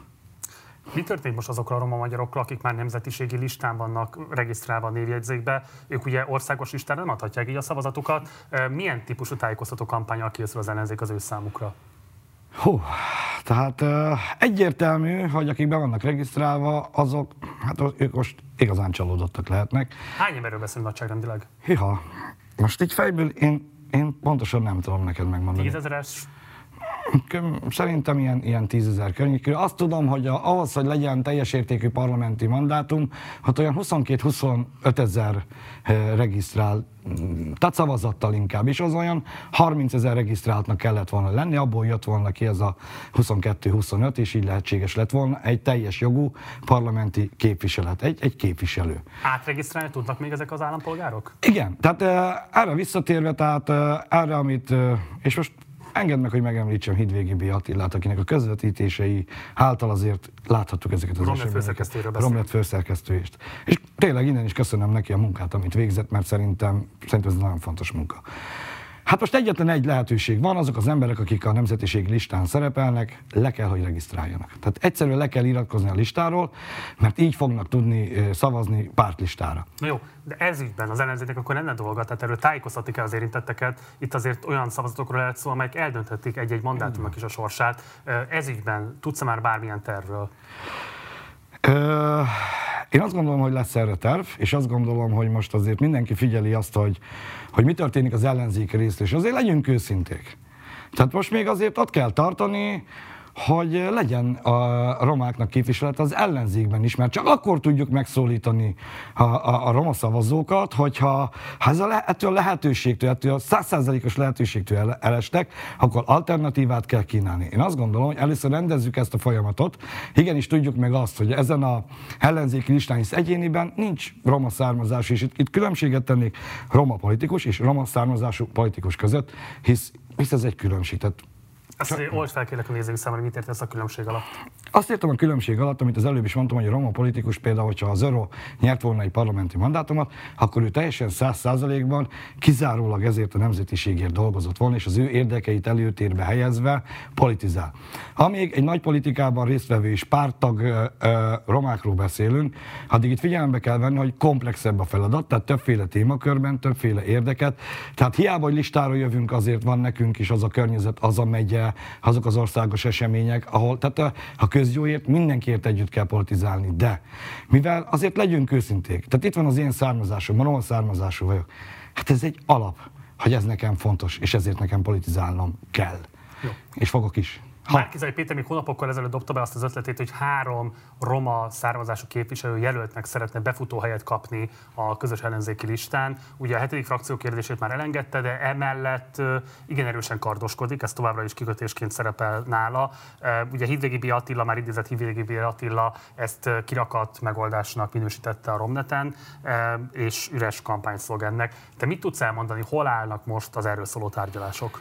Én azt gondolom, hogy ez, ez egy reális, reális esés, reális lehetőség, és mivel már a jövő héten az aláírás gyűjtések kezdődnek, én azt gondolom, hogy rövid időn belül erre választ kell kapnunk. És ez számomra is egy kérdés, hiába, hogy politikában vagyok, nem vagyok ott a tárgyalásokon, azt tudom, hogy például én, most bocsánat, hogy önmagamat említem, a párbeszéd listáján egy előkelő helyet foglalok el. Tehát Karácsony Gergővel negyedik vagyok, Gergő nélkül harmadik.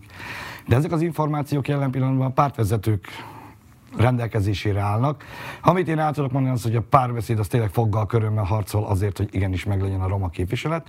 És azt gondolom, hogy ebben a pártoknál is látok, én látom a lehetőséget. De nekem is meg kell várnom azt, mert akkor lesz egyértelmű és valóság bármi, akkor válik kézzelfoghatóvá és igazsággá, amikor nyilvánosságra hozzák a listát. És akkor fogunk mindannyian szembesülni azzal, és fogjuk látni, hogy az ellenzék komolyan veszi a roma szavazókat, a roma társadalmat, a roma embereket. Mert ha igen, akkor a listán lesznek roma származású politikusok. De befutó helyen? Ez a minimum. Hát ha nem befutó helyen, akkor az olyan... Nem, az, az semmi. Uh-huh. Az semmi. Tehát, tehát akkor teljesen biztos hogy benne, hogy ebben megállapodás lesz az ellenzék köreiben. Kell, hogy legyen. Igen, hát én, én hiszek ebben, én ezért kezdtem el nagy pártnál politizálni, országos pártnál, mert ennek kell lenni egy célnak. És, és, és ezek az események, amik történtek most az orróban, ezek is ezt, ezt erősítik, hogy több lábon kell állnunk, biztonsági játékot kell játszani, és azok, akik politikával és roma származások szeretnének foglalkozni, azoknak is igenis mind a két vonalat figyelni kell, és több témában kell képeznünk, gyakorlatot szereznünk, részt venni, és a nagy pártok felé kell eltolódni, mert ez a jelen pillanatban ma még ez a biztosabb. Uh-huh. Hogy holnap majd, mikor megismerjük az eredményeket, na akkor válik valós, valóságá, nem holnap, hát mondjuk rövid időn belül, akkor válik valóság, hogy amit most mondtam, az igazsága. Okay. Hidvégi Attila a Roma program hiányát is felsorolta kritikái között az ellenzékkel szemben. Mit lehet elmondani, milyen ajánlatot fog tenni az Egyesült Ellenzék Roma polgártársaink számára? A programok nem változnak. A program szinte mindig ugyanaz, bizonyos fokon változik. Tehát minden programnak, roma programnak az alapja az oktatás, a munkahelyteremtés, az egészségügy. Ezekben, tehát itt bejönnek azért a mobilizáció, vállalkozás Tehát a programok azok, azok, azok szinte ismertek, hisz ott van a, és tényleg kicsit megemlékezve Setét Jenőre is, tehát azért a roma minimum, erre is várunk, és az ellenzék, tehát az is, ahogy ismertet, ezzel, ennek szerepelni kell. De én azt mondom, hogy nem a program a legfontosabb, mert minden program csak annyit ér, amennyit megvalósítanak belőle. Tehát szép szavakkal már ki vagyunk tömve. Én is, te is. Mind választó, tök mindegy, mindannyian ki vagyunk. E, én azt mondtam, amikor elkezdtem politizálni, hogy úgy kezdtem el roma politikával foglalkozni, hogy az a legalapvetőbb feltétel, magyarországi cigányságot partnernek, és nem pedig eszköznek tekintjük. Mert abban a pillanatban, hogy eszköz, akkor nincs értelme az egésznek, és, és abban nekem sem kell úgymond részt vennem. Tehát nem. Tehát partnernek, és most már elég az ígéretekből, most már, most már ez kevés, bizonyítani kell. Nagy a felelősség. Bárki kerül kormányra, és remélem, hogy az ellenzék, és remélem, hogy az ellenzék új kerül kormányra, hogy tanult a múlt hibáiból, és ezáltal egy olyan kormányzás jön létre, aki tényleg mindenkit állampolgárként, egységes állampolgárként kezel, és mindenki javára dolgozik. Berki Sándor, nagyon szépen köszönöm, hogy eljöttél, és még nézőnkkel. Egyetlen kiegészítés csak a szerkesztőm közben előkereste, hogy jelenleg 33 ezer ember van regisztrálva nemzetiségiként, de így, hogy nincs lista, ők automatikusan törlődnek majd onnan, és szavazhatnak szabadon a pártlistára. Köszönöm szépen ezt az Ez információt. egy fontos pontosítás. Nagyon szépen köszönöm, hogy itt voltál, gyere majd máskor is. Köszönöm szépen. Most pedig következik a helyközi járat riportja, amelyben pályaelhagyó pedagógusokat szólított meg riporterünk. A riport jól rámutat a hételi pedagógus sztrájk szükségességére, és arra a méltatlan helyzetre, amiben a magyar pedagógusok évtizedek óta vannak. Fontos látni, hogy azoknak a dolgozóknak, akik olyan létfontosságú ágazatokban végzik a munkájukat, mint az oktatás, a szociális szféra vagy az egészségügy, amelyek működtetik a mindennapi életünket. Szóval nem lehet elég az a szimbolikus szolidaritás, mint a balkonokon való tapsolás, hanem kell támogatás is a szerveződésükhöz. Segíteni kell a politikai cselekvésüket, hogy méltó megbecsülést kapjanak anyagilag és mentálisan is létfontosságú munkájukhoz. A riport Hermartin, Szongoró Laura és Vaszari Júlia munkája.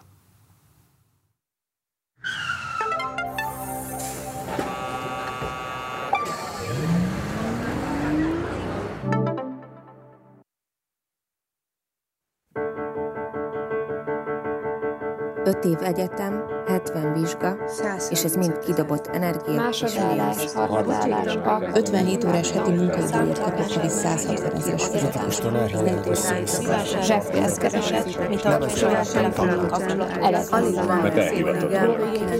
Ki az a hülye, aki tanárnak megy? Most pályakezdő tanárként a hajléktalanság fenyeget. Még így is túl vagy fizetve.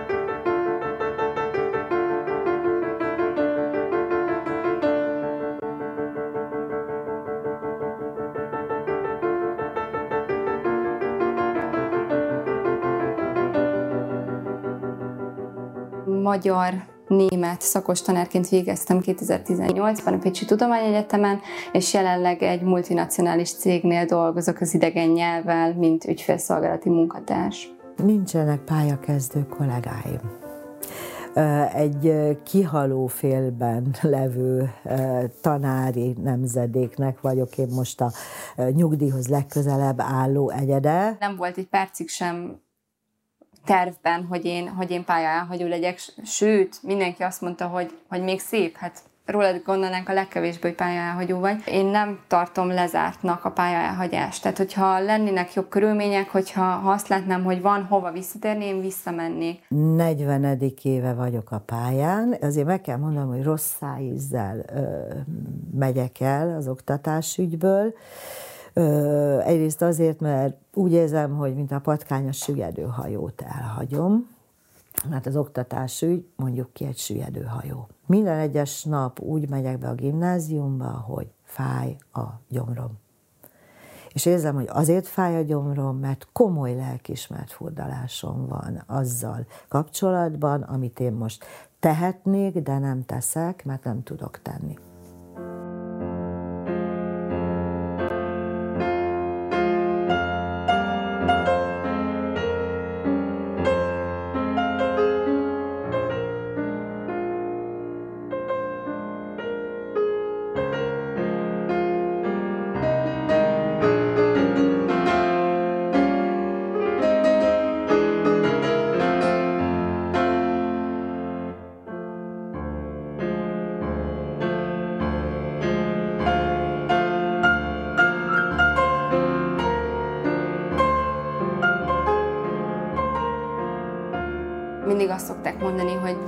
Hogy amikor ezt a pályát választottad, nem meggazdagodni akartál belőle, ami igaz, csak, csak eltelt mondjuk a 18 évemhez képest 10 év, és itt vagyok 28 évesen, és az viszont egy, egy nagyon nagy arculcsapás, amikor azt mondják, hogy nem fogsz tudni megélni a fizetésedből.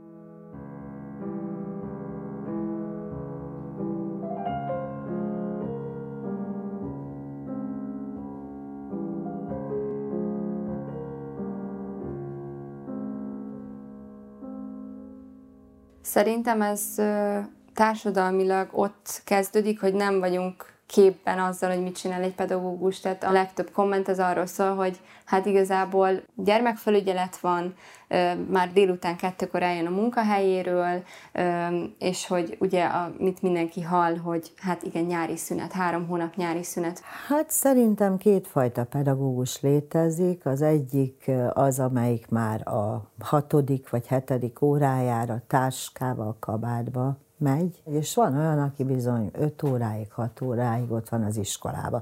Mert egy iskolában mindig van teendő dolgozatokat javítani, a gyerekekkel beszélgetni, akik éppen igénylik, és egyre többen és egyre jobban igénylik ezt. Aztán hazamegyünk, kijavítjuk a dolgozatokat, stb. stb. De nem ez a lényeg, hanem tehát ez a kétfajta pedagógus van. Na most, ha az egyikről ítélünk, akkor mondhatjuk azt, hogy hát ez egy holiday, a pedagógus pálya. Ha a másikról, amely nyilván egy másik vég, véglet, akkor, akkor azért elgondolkozunk azon, hogy hány órát is vagyunk mi ott jelen. Eszméletlenül sokat kell adminisztrálnunk. Nagyon-nagyon sok teher, nagyon sokat kell helyettesítenünk, ingyen és bérmentve természetesen, meg én a mai napig készülök az óráimra. Azért, hogyha összehasonlítok egy céges irodai munkát, ahol munka végeztével kinyomom a gépet és hazamegyek, egészen mást, mondjuk egy 45 perces órának a megtartása, az körülbelül másfél órás felkészülés. Akkor, hogyha az ember az elején van, és tényleg maximalista, és jól akarja csinálni, és változatosan szeretne tanítani, szeretne odafigyelni, hogy hogy külön szedje azokat, a, akár most már nagyon sok esenis gyerek van, nagyon sok speciális nevelési igényű gyerek van osztályokban, hogy, hogy differenciáljunk, hogy legyen színes, hogy legyen csapatmunka, hogy kooperatív csoportszervezés legyen, tehát ez rengeteg munka.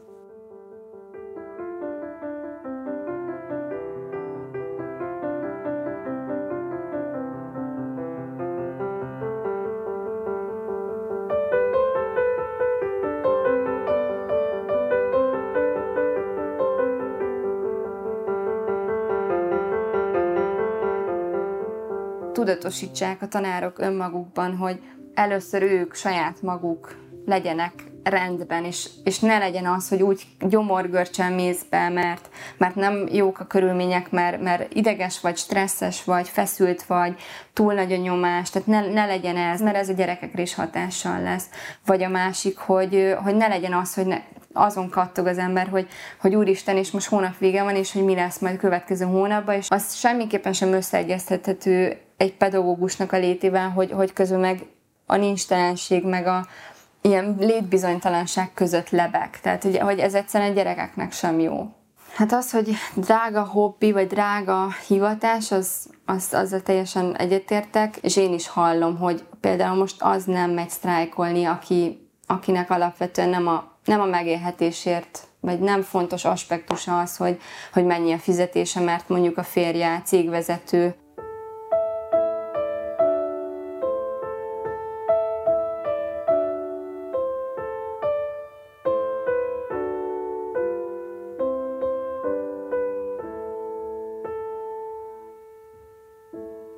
zsarolnak bennünket a gyerekekkel, a tanítványainkkal, akikért felelősek vagyunk. Tehát most akkor, hogyha neki nincsenek óráik, és nem halad a tananyagban, mondják egyes tanárok, akkor most rosszat teszünk a gyerekkel. Én pedig azt hiszem, hogy akkor teszünk jót a gyereke, hogyha ezt meglépjük, és nagyon keményen lépünk, és sztrájkolunk, és nem két órásat, hanem több naposat, több hetesat, sőt, akár több hónaposat. Ezzel sokkal jobban tanítjuk a diákot arra, hogy mit kell, mit lehet csinálni. Viszont abban a körben, ahol vagyok, a gimnáziumban, a tantestületben, ott az embereket erről meg kell győzni, mert félnek. De mi az, hogy félelem? Mitől fél? Attól félt, hogy a saját maga jogait csorbulnak? Nem. Hát nem csorbulnak a jogai, mi csak láncainkat veszíthetjük. Hát én ezt hiába mondom, mint valamilyen elbaszott kasszand... Bocsánat. Egy elbaszott Kasszandra 10-15 éve, hogy menjünk, harcoljunk, csináljunk.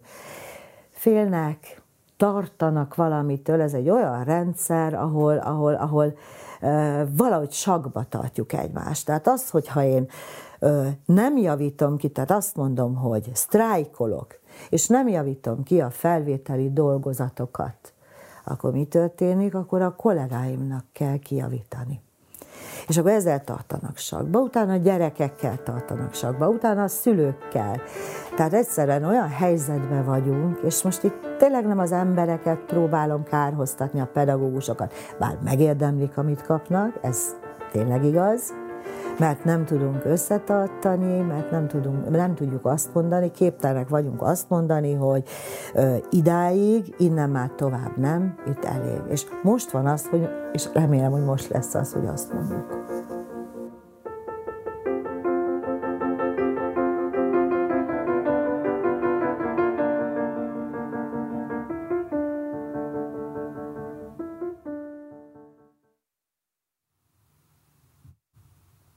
Ma este Spartacus utolsó témájára fordulunk rá. Itt ül velem a stúdióban Dúl Szabolcs, a Telex főszerkesztője, akire arról fogunk beszélgetni, hogy miért döntött úgy a lap, hogy a választási kampányban nem közöl politikai hirdetéseket, mik ennek a következmény és hogyan értékelhető a döntés a jelenlegi politikai és média piaci helyzetben. Szervusz Szabolcs, köszönjük, elfogadtad a meghívásunkat. Jó estét kívánok minden nézőnek. Konkrétan a semmiből építettétek fel a lapot ö, alig egy év alatt ami már a, a magyar nyilvánosság megkerülhetetlen intézménye lett, úgyhogy ezúttal is gratulálunk ehhez. Úgyhogy nyilvánvalóan emiatt is keltett nagy föltűnést az a deklaráció, miszerint nem fogadtok be politikai hirdetéseket. Mekkora vita előzte ezt meg előzetesen, akár a szerkesztőségben, akár a vezetőségben?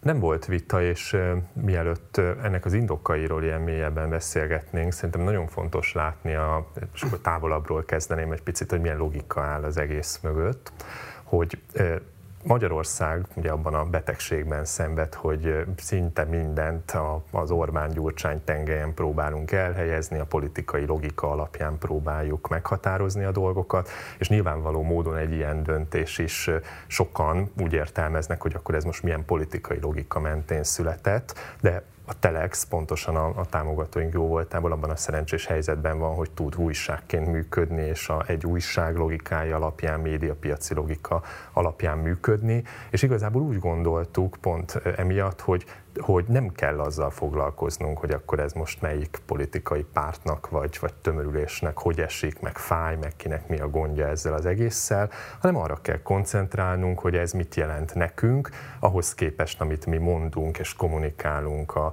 az olvasóinknak, támogatóinknak, mi a szimpatikusabb, és hogy ami nem mellékes ebben az egészben, hogy azt a pénzt, amelyet mondjuk a következő elég intenzívnek ígérkező 8 hétben majd politikai kampányként látunk, hogy azt a pénzt azt máshonnan meg tudjuk-e szerezni, és mi azt gondoljuk, hogy, hogy a támogatóink, akik eddig is nagy bizalommal voltak felénk, azok tudják biztosítani a mi működésünket. A számszerűsíthető, hogy mekkora bevételről mondhatok le nagyságrendileg?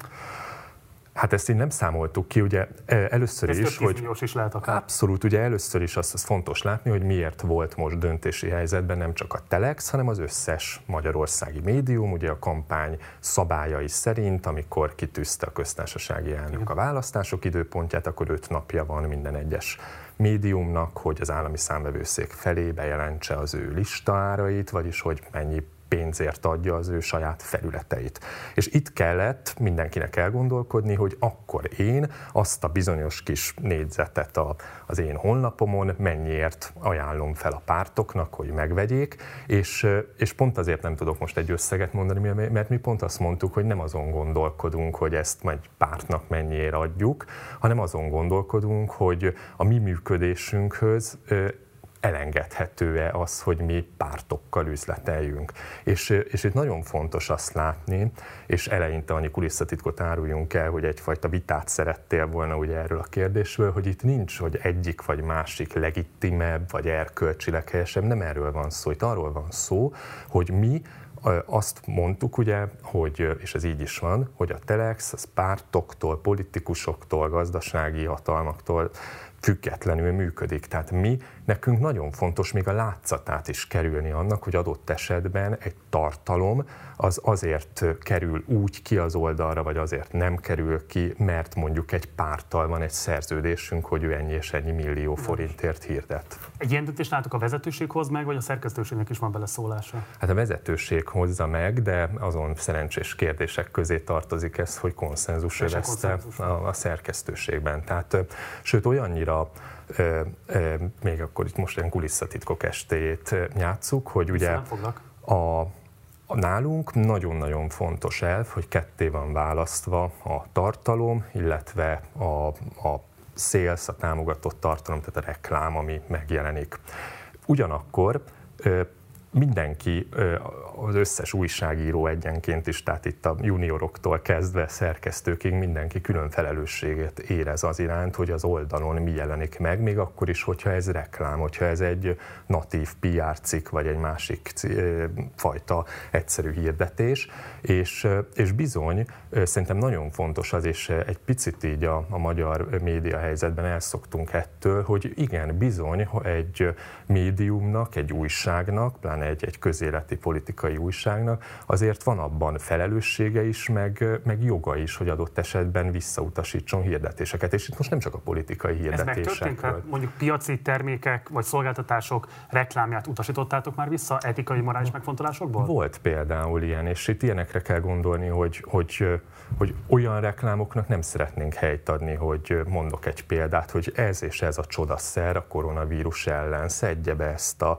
ezt és ezt a szert, és akkor nem kapja el a koronavírust, mert hát azt írtam is ebben a publicisztikában, hogy a reklámoknak egy ilyen, hát tulaj, jellegzetességük, elidegeníthetetlen tulajdonságuk, hogy egy picit így csúsztatnak, meg nem fejtik ki a valóság minden részletét, de hát konkrét, konkrét valótlanságokat már csak ne rakjunk ki. Vagy mondok egy másik példát, ami előfordulhat, hogyha egy egy hirdető úgy szeretne reklámozni, hogy valamilyen pénzügyi trükkel szeretne becsábítani ö, olyan gyanútlan olvasókat, akik rákattintanak és akkor belesétálnak, hát ennek se vagyunk kötelesek helyt adni. Tehát bizonyám, itt nem az újságírók, tehát az újságírók és a, a hirdetést kezelő munkatársaink szét vannak választva, de azért felelősséget érzünk az iránt, hogy ne jelenhessen meg mindenféle okay. ilyesmi.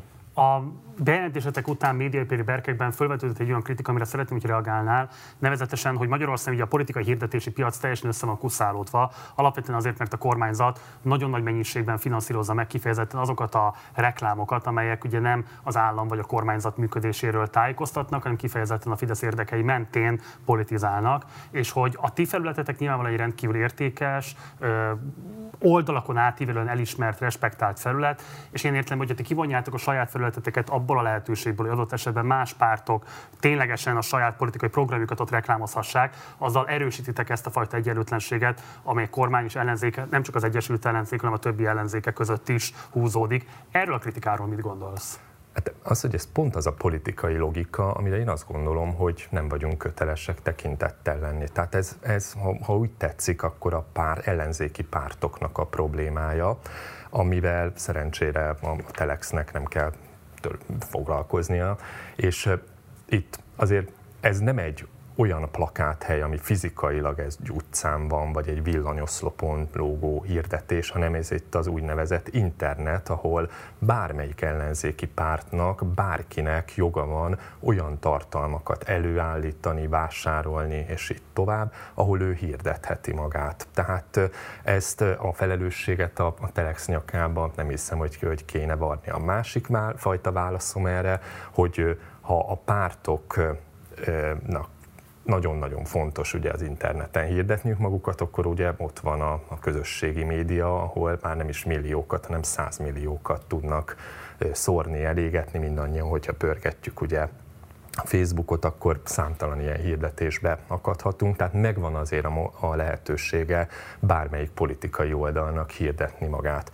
És az, hogy mint Telex mi kivonjuk magunkat ez alól, pontosan, pontosan azért tettük, mert mi a saját sztorink alapján, a saját működésünk alapján, a saját logikánk, alapján dolgoztunk. Ez egy újságolvasói szempont, de például amikor én találkozom mondjuk támogatott tartalommal, akár a Telexen, akár máshol, amit mindig megjelöltök tisztességesen, hogy jelezzétek már a leadben is, hogy egyébként ez egy támogatott tartalom, ugye csak mondjuk el a nézőkedveti az mindig egy x történik meg, tehát innen lehet tudni azt, hogy ez egy fizetett tartalom. Szóval nem gondoltam azt, hogy ti föltétlenül tartoztok felelősséggel az ilyen típusú tartalomért, de ha most azt mondod, hogy igen, akkor azért például voltak olyan tartalmak, én emlékszem pár nap ezelőtt is volt egy ilyen lézeres szemműtétet reklámozó támogatott tartalom, hogy azért ott felvetődhet az, hogy például ti ennek utána mentek, hogy ez tényleg orvos szakmailag egy igazolt eljárása. Van ilyen felelőssége alapnak? Hát azért nem mi szerkesztjük ezeket a, a tartalmakat, tehát hogy például a, a tartalmáért, annak meg a valóság tartalmáért, tartalmáért nyilvánvaló módon nem vagyok felelős. Én csak azt mondom, hogy, hogy egy újságnak bármennyibe is ugye él azért a hirdetésekből, és a Telex nagyobb részt támogatói adományokból, támogatásokból ér, kisebb részt hirdetésekből ér, de ez is egy, egy fontos bevételi forrásunk. Nyilvánvaló módon ezeket megjelentetjük, ami, ami a témája alapján vállalható, de az, hogy ez pontosan ki, hogy önfényezi magát, ez azért nyilván az adott hirdetőnek a felelőssége. De akkor, hogyha ezt az úgynevezett önfényezést egy piaci alapú hirdető megteheti, mi az a logika, ami miatt mondjuk ezt egy politikai pártól nem fogadjátok már el?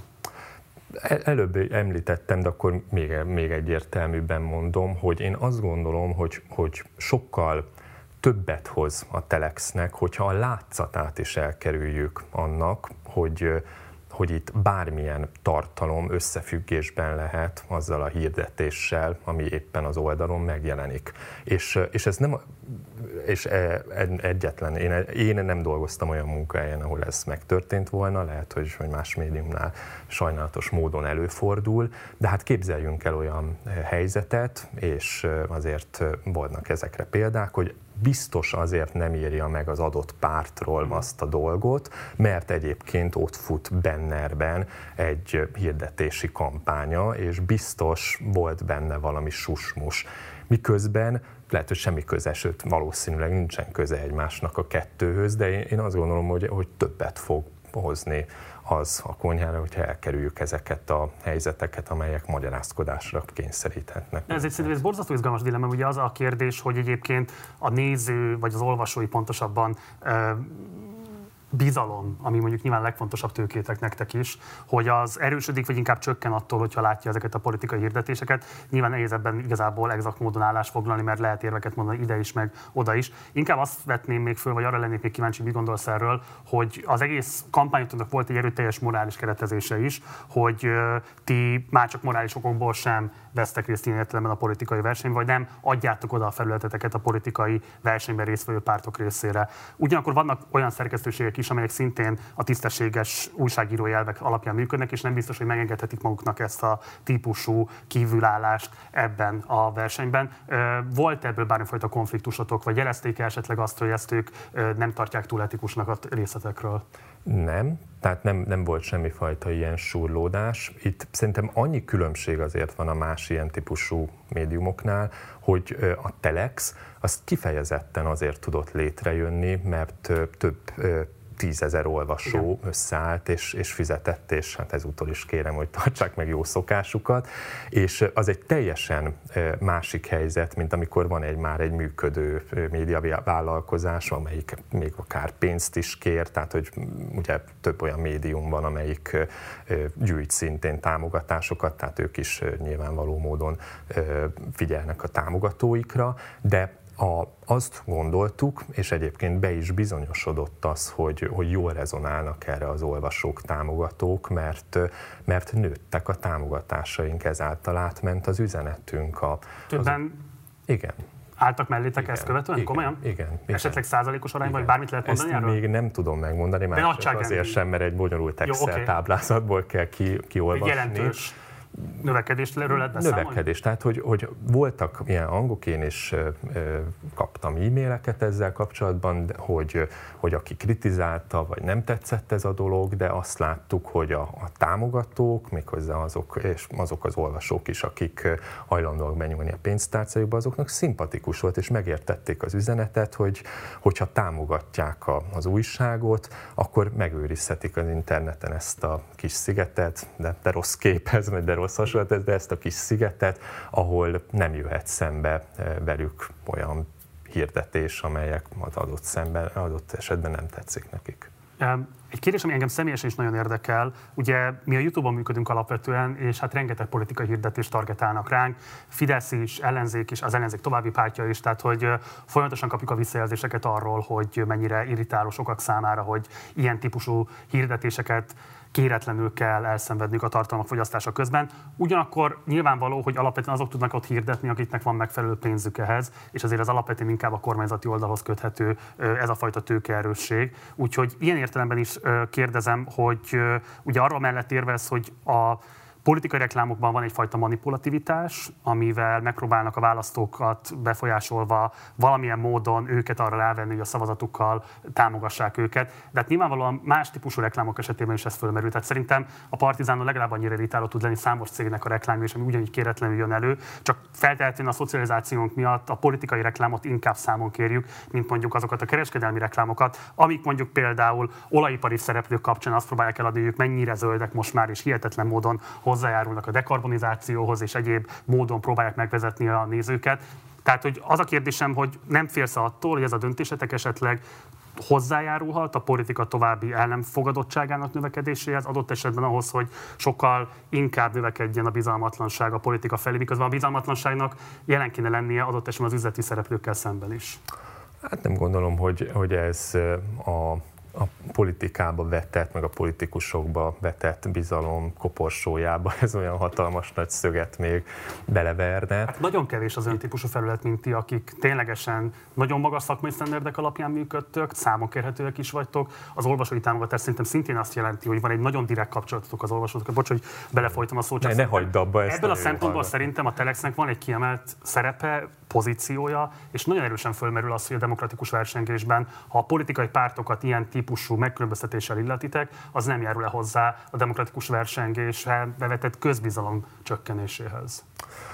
Hát szerintem nem azt fogja megoldani, hogy akkor lehet -e reklám vagy nem, és, és szerintem itt visszakanyarodunk a beszélgetésünk elejére, hogy, hogy politikai logika alapján, vagy társadalmi logika alapján nézzük ezt a döntést, és, és ez az, amit itt megpróbáltam egyen hosszabban kifejteni, hogy nem mi a saját újságunk, sztorink, üzenetünk logikája alapján döntöttünk, és, és ez nem azt jelenti, hogy mi bárkit is elítélnénk azért, mert, mert megjelenik egy reklám, de hát ugye most egy kampányban azért azt javaslom mindenkinek, hogy készüljön fel, hogy bárhol szembe fog jönni vele bármilyen ö, ilyen kampány, vagy politikai hirdetés, ezzel nyilván mindenki együtt él, de, de itt nem, nem azt kell hibáztatni, aki megjelentet ilyet, vagy, vagy lehoz egy ilyet nyilvánvaló módon. Mi most úgy döntöttünk, hogy, hogy ebben a kampányban kihagyjuk ezt a lehetőséget. Záró kérdés, mivel készültök a kampány, mit lehet elmondani esetleg a nézők számára,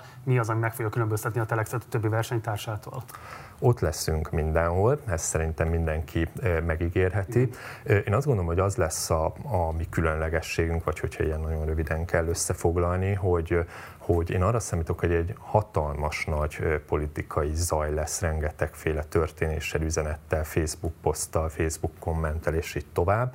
És, és én azt ígérhetem, és minden egyes kollégám is erre teljesen rákészült, hogy a lényeget szűrjük ki, hogy, hogy értelmezzük azt, ami történt, hogy, hogy megvilágítjuk azt, hogy kinek miért ez volt a nyilatkozata, lépése, miért fontos valami politikailag. Szerintem a, annyiban átalakultunk itt az elmúlt években, évtizedekben, hogy most már nem az egy, egy mérvadó médiumnak a dolga, hogy minél több információt megszerezzen, ez is fontos persze, hanem az, hogy a ránk zúduló nagyon-nagyon sok, mérhetetlenül sok politikai információból is az igazán lényegest, azt kihámozza és megmutassa. Hogyan fogtok megküzdeni a hozzáférési problémákkal, hiszen nyilvánvalóan ti is attól szenvedtek, hogy a kormánypárti politikusok nem igazán adnak interjút a Telexnek. Ugye a egykori Index nevét birtokló mostani nyilvánosság termék irigylésre méltó módon egyébként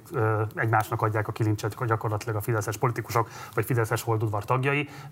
Hát nyilván mindenki elolvashatja ezeket az interjúkat, vagy ezeket az úgynevezett interjúkat, és eldöntheti, hogy vajon miért lett ekkora kedv hirtelen nyilatkozni az indexet, mi korábban nem volt. Szóval ti hogyan készültök kezelni azt a helyzetet, hogy nyilván az ellenzékhez sokkal könnyebben tudtok hozzáférni, Torockai Lászlóval volt interjútok, és így tovább. Felteszem, de nem prejudikálok, hogy Orbán Viktorral nem lesz vezető interjút például a Telexen. Kértünk tőle interjút. Felteszem, és remélem is, hogy fog adni nektek, legyen így. Szóval hogyan lehet kezelni ezt a hozzáférésbeli egyenlőtlenséget? Hát ezzel már szenved az összes független média azért már jó pár éve. Itt szerintem megint a Hegy és a Mohamed esete fog fennállni, vagyis hogyha nem jönnek a fideszes politikusok, nem akarnak adni, akkor mi fogunk oda menni, és igenis, amikor ez fel fog merülni a mostani kampányban is, hogy akkor ilyen fórumokon, meg különböző kitelepüléseken a független média, például a Telex is, az, az miért megy oda, és, és kell Fábián Tamás kollégám, ugye igazi nagy harcosa ennek, hogy, hogy kövesse mikrofonnal hát kitartóan a, a, a politikusokat. Ezt fogjuk tenni, tehát hogyha kérdéseink vannak, akkor oda kell menni és meg kell kérdezni őket, és, és szerintem annyiban egy ilyen politikai kampányban több a lehetőség, hogy, hogy itt minden oldal politikusai kampányolni fognak, fórumokat tartanak, a helyben találkoznak a választókkal, és a médiának az a dolga, hogy ezekről tudósítson, oda menjen és feltegye a kérdéseket, még akkor is, hogyha abban a közegben ez konfliktussal jár. De hát ezt is megígérhetem akkor, hogy a Telexen abszolút helyben fogunk menni, és, és feltesszük a legfontosabb kérdéseket a fideszes politikusoknak is. Dúl Szabolcs, nagyon szépen köszönöm, hogy itt volt, és mindezt elmondtad a nézőinknek. Gyere majd máskor is jó munkát nektek. Köszönöm szépen. Ez volt már a Spartacus. Spartacus a legközelebb jövő csütörtökön fogunk majd jelentkezni. Holnap péntekesti partizán lesz este 6 órától, vendégem Jakubcsák Gabriella lesz majd, érdemes velem tartani. Többek között például a Gattyán Györgyel készített interjú is szó lesz majd, úgyhogy még a mai műsorhoz is fogunk majd kapcsolódni. Szombaton a Telepjáró című adásunk új kiadása jelentkezik, vasárnap pedig érkezik a Partizán 60, ezúttal már tényleg meg fogjuk tartani. A stúdióba érkezik hozzám Donát Anna, és 60 percen keresztül vágás nélkül, bejátszások nélkül élőben fogunk majd beszélgetni. Munkatársaim nevében köszönöm szépen a megtisztelő figyelmeteket. Én Gulyás Márton voltam Budapestről. Jó éjszakát kívánok. Ciao.